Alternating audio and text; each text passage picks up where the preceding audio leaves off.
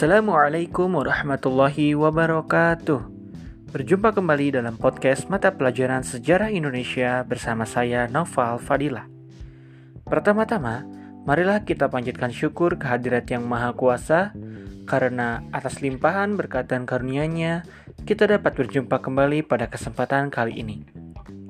Materi yang akan saya angkat pada pertemuan kali ini yaitu masuknya Islam di tanah Jawa.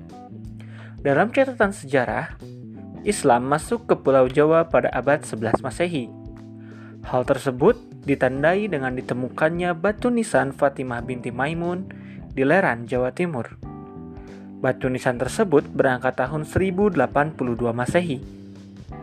Berselang dua abad setelahnya, ditemukan beberapa batu nisan lain yang bercorak Islam, seperti batu nisan milik Syekh Maulana Malik Ibrahim, serta komplek pemakaman Islam kuno di Mojokerto dan Troloyo.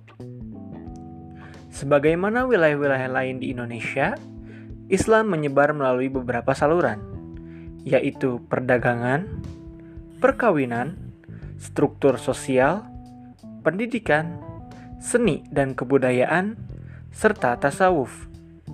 Saluran-saluran ini tidaklah berdiri sendiri, melainkan saling berkaitan satu sama lain.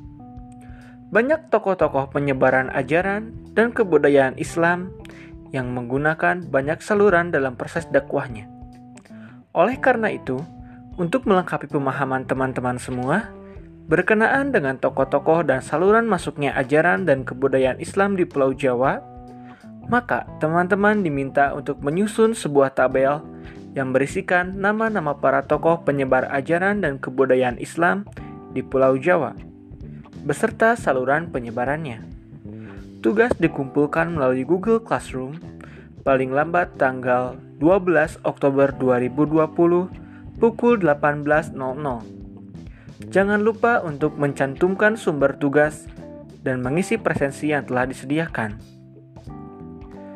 Sekian yang bisa saya sampaikan.